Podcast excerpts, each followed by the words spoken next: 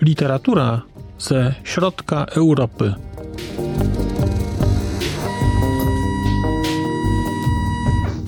Podcast około książkowy.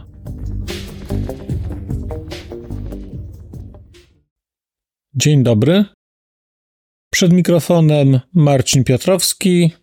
Witam Państwa i zapraszam do spotkania z literaturą Europy Środkowej. A to dlatego, że właśnie rozpoczyna się kolejny odcinek podcastu Znak Litera Człowiek literatura ze środka Europy. W dzisiejszym odcinku chciałem podzielić się refleksją na temat książki Laury Freudenthaler Opowieść o duchach. Książka została wydana przez łódzkie wydawnictwo Oddo w roku 2021, a książkę tę przełożyła pani Eliza Borg. Opowieść o duchach to jest powieść, powieść nie bardzo wielka, to jest 200 stron. W książce Opowieść o duchach obserwujemy małżeństwo mieszkające w Wiedniu. Jest to małżeństwo ludzi już dojrzałych, oni są około pięćdziesiątki oboje. I jest to ona, czyli Anna, która jest pianistką, ale także nauczycielką muzyki w konserwatorium. I jest Tomas, który nie do końca wiemy, co robi. Znaczy, właściwie nie wiemy, jaki jest jego zawód. On zajmuje się jakimiś rzeczami okołofilmowymi. Pisze scenariusze, przygotowuje jakieś wykłady dla szkoły filmowej. Oboje więc są związani ze sztuką. Mimo, że mieszkają w Wiedniu, to Austriakiem jest Tomas, a Anna jest francuską. Francuską, która już dosyć dawno zdecydowała się Francję opuścić i mieszka i pracuje w Wiedniu. Ten link z Francją jest już bardzo słaby. Ona u matki bywa, natomiast kiedy któraś z jej koleżanek pyta, czy nie chciałaby wrócić, to mówiła, że już się we Francji nie odnajduje, już nie czuje tego języka, już gdzie indziej mieszka. Jest więc to małżeństwo i opowieść o duchach to jest opowieść o kryzysie tego małżeństwa. To jest opowieść o tym, jak kryzys w małżeństwie doprowadza do rozpadu osobowości jednej ze stron. W tym przypadku obserwujemy rozpad osobowości Anny. Obserwujemy proces tego, jak ten kryzys małżeński jak rozpad związku przekłada się na jej codzienne funkcjonowanie i jak ją psychicznie wypala, niszczy i doprowadza do takiej sytuacji, że no właściwie jest to osoba z zaczątkami jakiejś demencji, jakiejś formy niezrównoważenia psychicznego. Nie wiemy, jaki jest początek tego kryzysu. Bo mamy tutaj całkiem sporo odwołań do przeszłości, kiedy pojawiają się wspomnienia. I mamy w tych wspomnieniach po prostu dwójkę ludzi, którzy są ze sobą, którzy się kochają, którzy wyjeżdżają, którzy po prostu wspólnie żyją. Mają swoje przyzwyczajenia, mają swoje nawyki, mają swoje zwyczaje. Natomiast my widzimy to małżeństwo w sytuacji, kiedy Anna zaczyna podejrzewać męża o to, że jest w związku z inną kobietą. I konstrukcja tej książki jest taka, że przez dłuższy czas nie do końca wiadomo, dlaczego Anna taki wniosek wyciąga. Ale wyciąga taki wniosek i w oparciu o to buduje pewne hipotezy. I to pozornie wydaje się, że jest przesadzone, że nie ma powodów do tego, ale później okazuje się, że jednak powody najprawdopodobniej są. Nie wiemy natomiast, co było powodem tego, że Tomas zdecydował się na związek z młodszą kobietą. to jest taki jakiś drugi związek. Tomas już wcześniej bardzo dużo pracował, więc tak naprawdę obserwujemy takie ześlizgiwanie się jego z życia z Anną do życia z drugą kobietą, z inną kobietą. Właściwie utrzymuje taką fikcję mieszkania w domu spania, natomiast przychodzi późno, wychodzi wcześnie, dużo wyjeżdża. Z kolei Anna przechodzi coś w rodzaju kryzysu, takiego kryzysu związanego z powołaniem swoim i uczy te dzieciaki gry na fortepianie, ale potrzebuje urlopu. I bardzo cieszy się na to, że ten urlop, taki roczny urlop dostanie i nawet zastanawia się, co będzie przez rok robić. Ma plany pisać podręcznik, ma plany ćwiczyć. Urlop zaczyna się jesienią i tak jak można obserwować przemiany przyrody, podobnie też następuje rodzaj takiego systematycznego spadania Anny w takie bardzo depresyjne klimaty, w takie zachowania na pograniczu normy i wstawanie się osobą, powiedzmy, dziwną, powiedzmy, niezrównoważoną. No i właśnie. No i właśnie, mamy z jednej strony męża, który gdzieś funkcjonuje w jakimś związku, i mamy żonę, która tego męża podejrzewa. Później okazuje się, że ona podejrzewa go słusznie. Pominę dlaczego, co jest powodem tego, że ma możliwość, nazwijmy to, udokumentowania tych podejrzeń swoich. Natomiast skupiłbym się chyba na tym, co jest w tej książce najbardziej interesujące. A najbardziej interesujące w tej książce nie jest ta historia, która się tu wydarza. Tylko najbardziej interesująca w tej książce jest, z mojego punktu widzenia, są właściwie dwie rzeczy. Pierwsza to jest pokazanie tego procesu rozkładu osobowości, i to jest zrobione bardzo dobrze.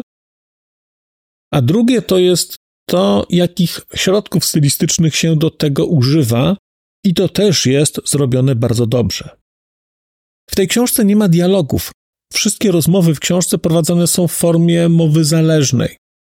Co więcej, zdania są tak zbudowane, a treść jest bardzo mocno pozbawiona akapitów, że czasami, kiedy poznajemy na przykład perspektywę Tomasza, to poznajemy perspektywę z jednej strony związku jego z jego żoną, z drugiej strony związku jego z tą, nazwijmy to, kochanką.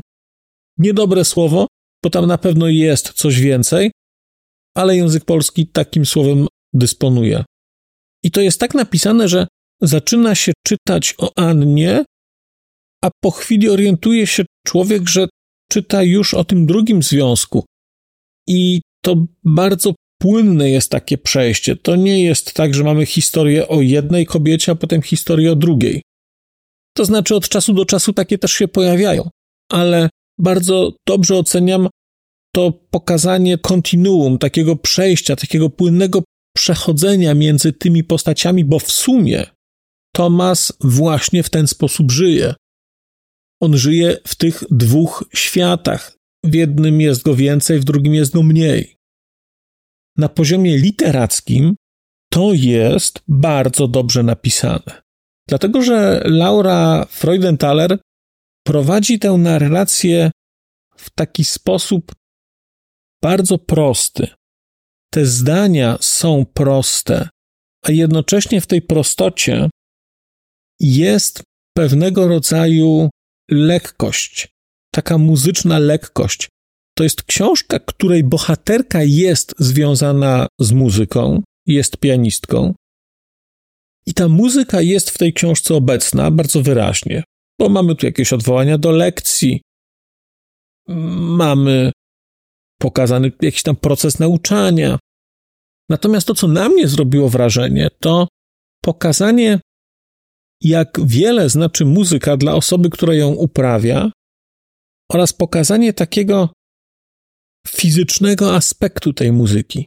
tego, co dzieje się z człowiekiem, kiedy uderza w klawisz na fortepianie, kiedy kładzie ręce na udach. Tu jest to tak to chyba opisane, że dłonie na kolanach się kładzie, a ramiona jakoś na udach.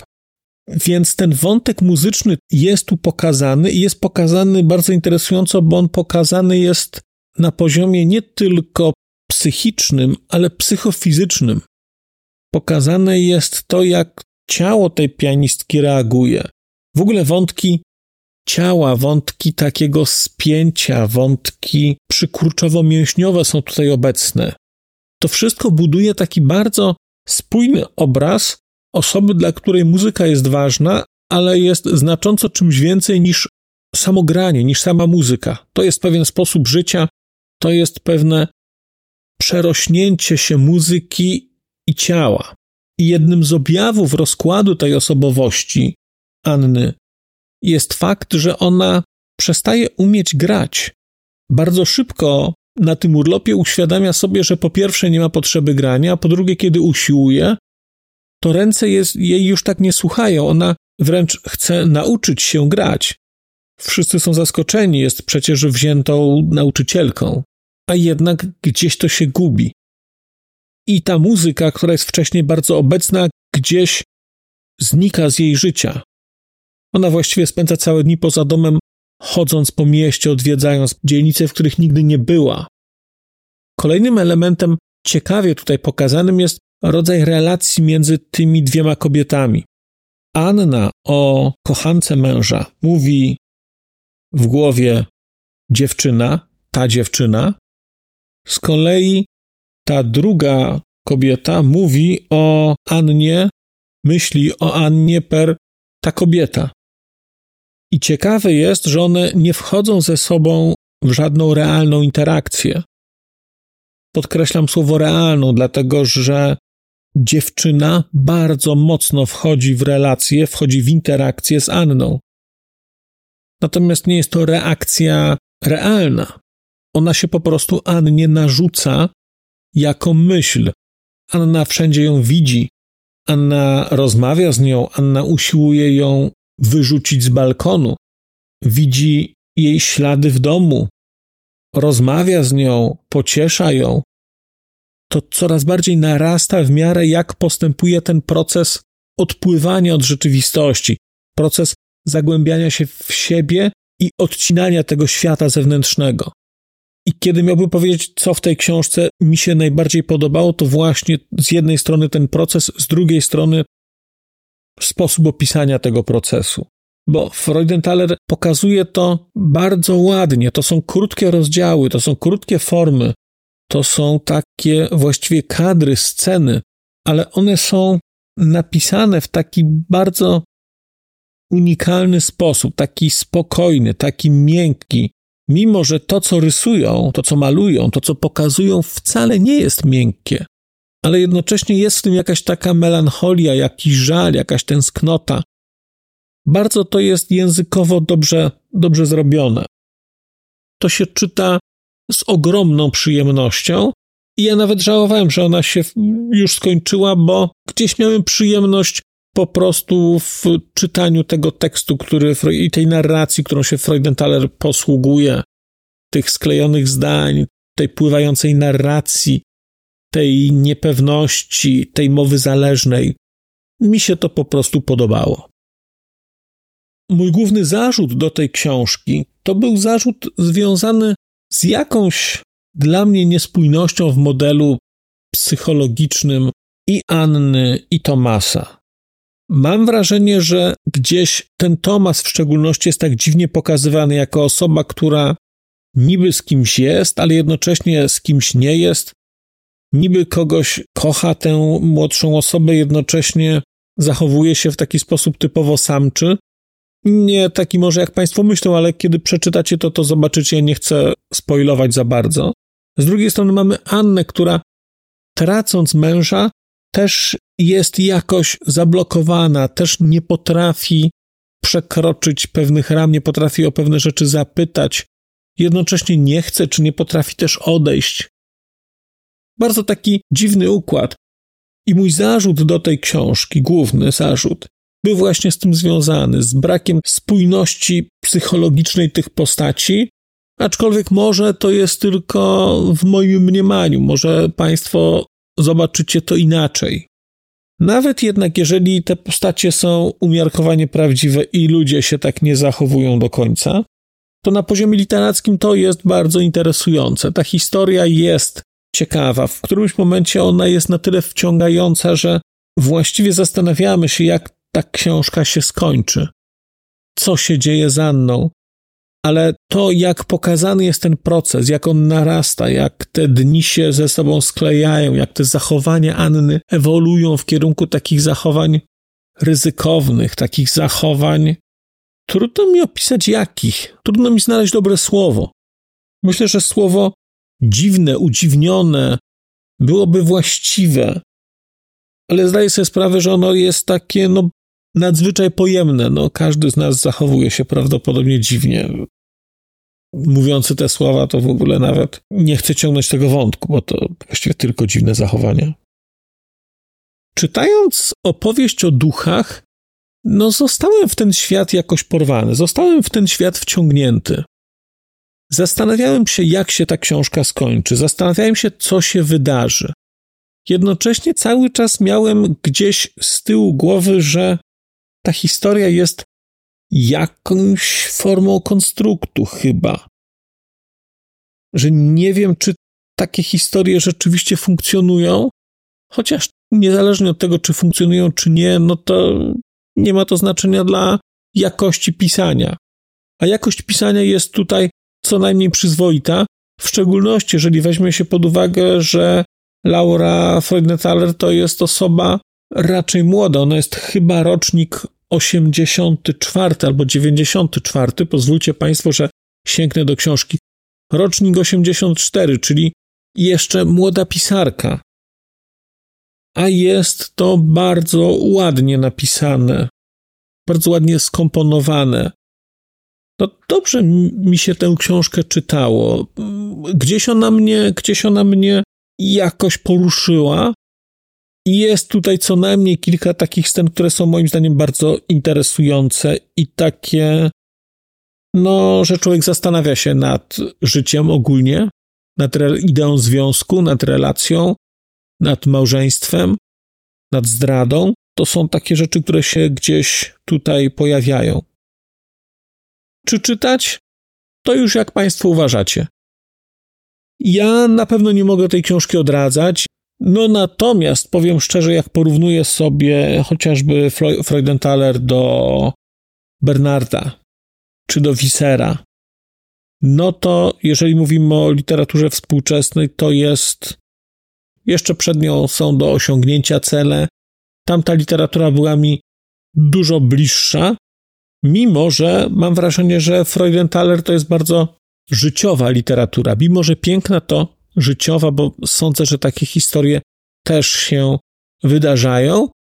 Nie wiem tylko, czy wydarzają się do takiego stopnia, czy nie jest to po prostu w którymś momencie to się kończy. Ciekaw będę Państwa opinii na temat tej książki, oczywiście jeżeli ją czytaliście. Czas nieubłaganie płynie i także ten odcinek musimy zakończyć. Bardzo Państwu dziękuję za uwagę. Zapraszam do słuchania kolejnych odcinków podcastu. Zapraszam do słuchania poprzednich odcinków podcastu i zapraszam do czytania. Przez mikrofon zapraszał Państwa do czytania oraz dzielił się jakże głębokimi refleksjami Marcin Piotrowski. Do usłyszenia. A już zupełnie na koniec powiem, że skoro wysłuchaliście Państwo tego odcinka, to w jego opisie znajdziecie link do serwisu YouTube. W wersji YouTube'owej e, jest miejsce na skomentowanie go. To jest takie miejsce, gdzie można komentować ten odcinek, rozmawiać, zadawać pytania, wymieniać się spostrzeżeniami, do czego Państwa bardzo zachęcam, gdyż udało się już na tym YouTubie zgromadzić trochę bardzo ciekawych osób, bardzo ciekawych komentarzy i trochę stworzyć taką społeczność ludzi rozmawiających o książkach. Też na koniec, zupełnie na koniec, e, poproszę Państwa o wystawienie oceny mi w ramach e, tych platform podcastowych, na których Państwo tego odcinka wysłuchaliście. I nieważne jaka ta ocena będzie, istotne dla mnie po prostu, że będzie. Tymczasem się żegnam już naprawdę i do usłyszenia za czas jakiś.